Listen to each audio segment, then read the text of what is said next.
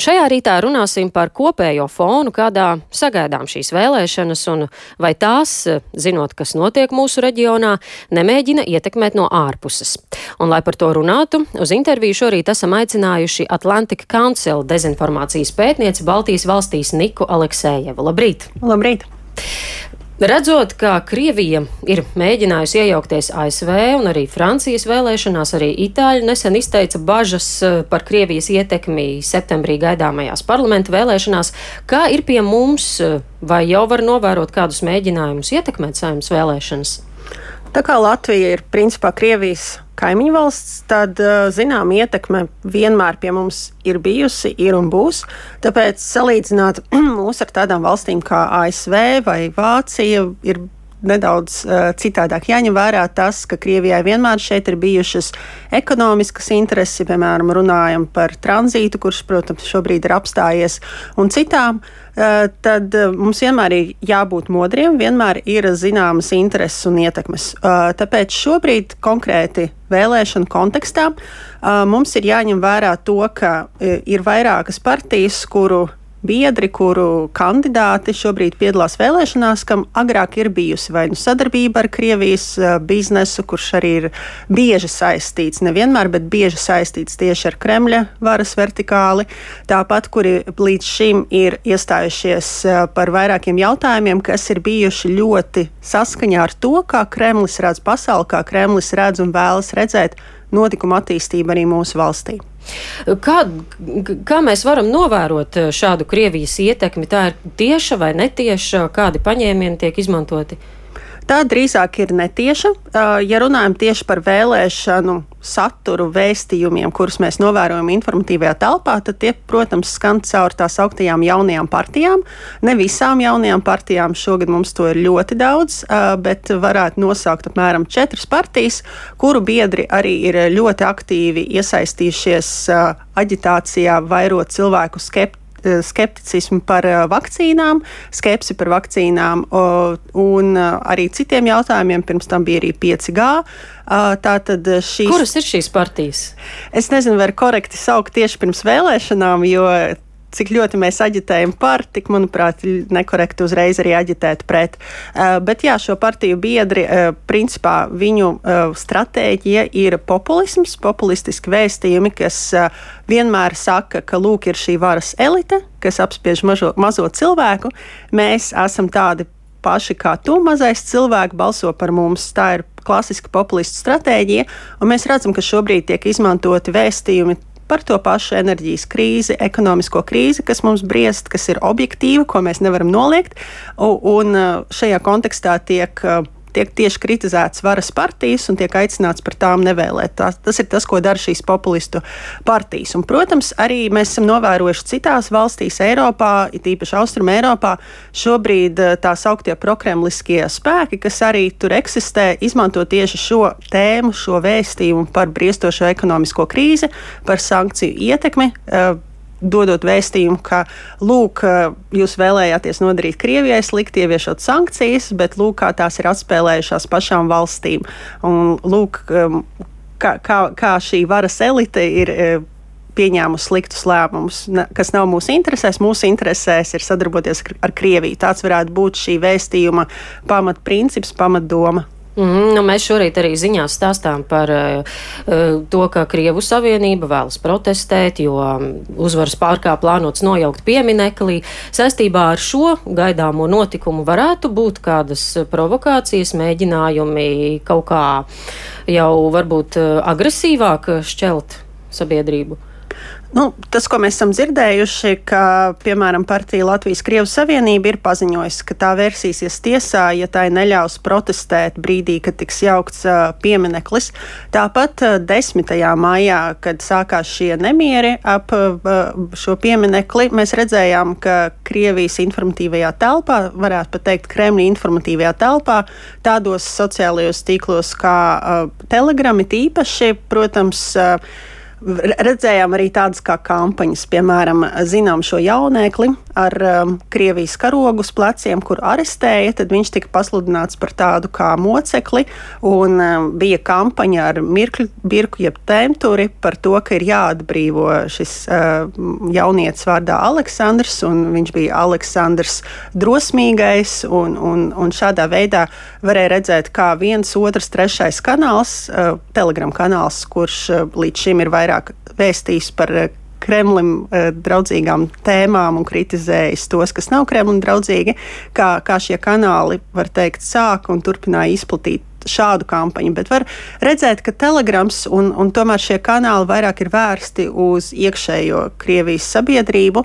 Un, uh, tas mērķis būtu parādīt, ka lūk, Baltijas valstīs ir rusofobija, tur apspiež mūsējos, jūs nemaz nevēlaties sadarboties ar šīm valstīm. Labi, vien ka šīs valstis ar mums nedraudzējās uh, un ir principā nedraudzīgas. Uh, un tādā veidā arī ietekmēt savu sabiedrību, ka lūk, jums vairs nav kur iet Krievija un Kremlis ir jūsu vienīgā alternatīva.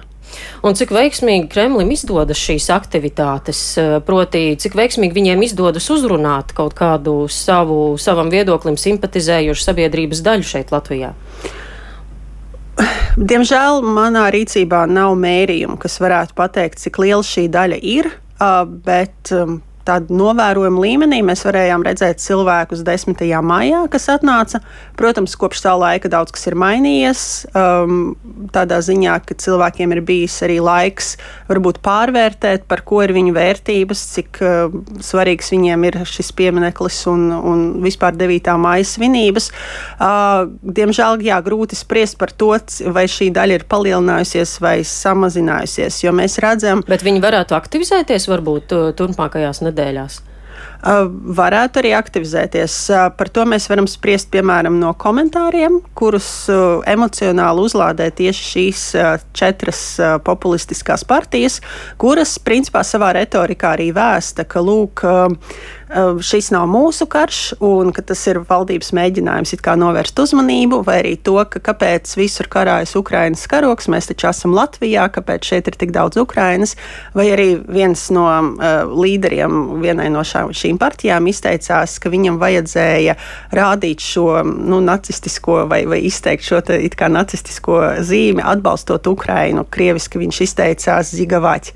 Um, tādā ziņā mēs redzam, ka ir šis sentiments parlaments, kurš ir ļoti prokremlisks vai vismaz anti ukrainisks, kas ik pa laikam kaut kur izbraucās. Tas nav šo partiju jājams zirdziņš. Jājams zirdziņš noteikti ir ekonomiskās problēmas, arī vakcinācija netiek aizmirsta, dažādi, dažādi nozari jautājumi, tīpaši nu, jau atkal enerģētikas nozara, gāzes eksports.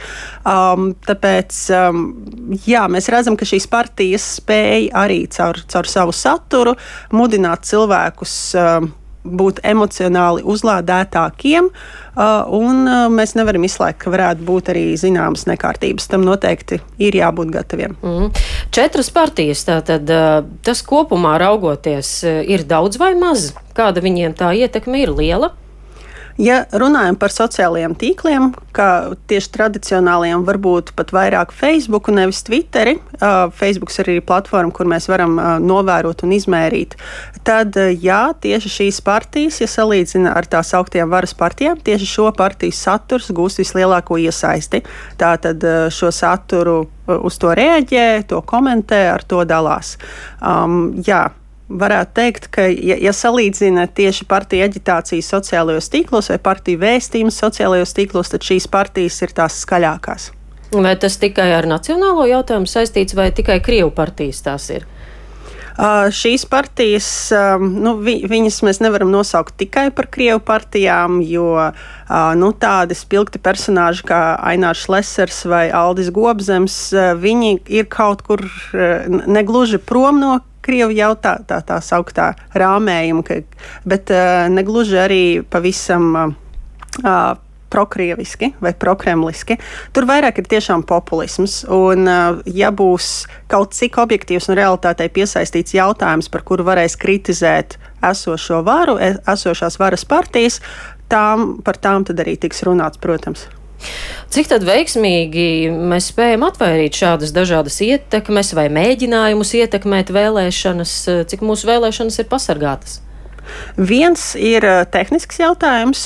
Ja runājam par mūsu centrālās vēlēšana komisijas darbu, tad līdz šim nekad nav bijis iemesls šaubīties, ka vēlēšanas tiks process, to procesu tiks nodrošināts labi, caurspīdīgi, droši, ka vēlēšana balsis netiks ne ar tām manipulēts, ne tā kā mēs varam novērot Krievijā, kaut kas tur tiek iemests vai kā. Tātad es tehniskā ziņā, procesa ziņā mēs varam būt diezgan droši. Tas, kas varētu apdraudēt, jau atkal, ja runājam tieši par tehnisko procesu, vēlētāji varētu būt maldināti par datumu, vietu, laiku vai, vai kādām nepieciešamībām. Tas šis pats pasu jautāj, pašu jautājums, vai uh, mana pasa ir derīga, lai es vispār varētu iet vēlēt. Tāpat varētu arī runāt par to, ka um, vēlētāji tiek atturēti iet uz vēlēšanām, vai tieši otrādi uh, tikai uh, varētu teikt, šīs populistiskās partijas saka, nāc un vēli, bet pārējās partijas nespēja sasniegt vēlētāju, tāpēc tā aktivitāte, par ko mēs bažījamies, ir jau zema. Un uh, rezultātā atnāks tie cilvēki, kuri būs emocionāli uzlādēti balsot par teiksim, populistiskajām partijām, un tās arī izveidos koalīciju. Tad, principā, um, Es nevarētu teikt, ka tas ir tāds pavisam draudz. Draudz demokrātijai tas varētu arī nebūt, jo tas ir normāls process, bet tas varētu būt uh, vēstnesis tam, ka mums sāksies teikt, cita politiskā ēra, lai gan tas ir šobrīd maz iespējams. Bet uh, jo mazāk cilvēku atnāks uz vēlēšanām, jo lielāka iespēja tikt ievēlētām ir šīm mazajām partijām, mm. kurām uh, varbūt šobrīd tas reitings ir mazs, bet uh, tāpēc, ka kopējais vēlētājs skaits ir mazs, šo partiju daļas spēs izveidot tos uh, nepieciešamos 5%.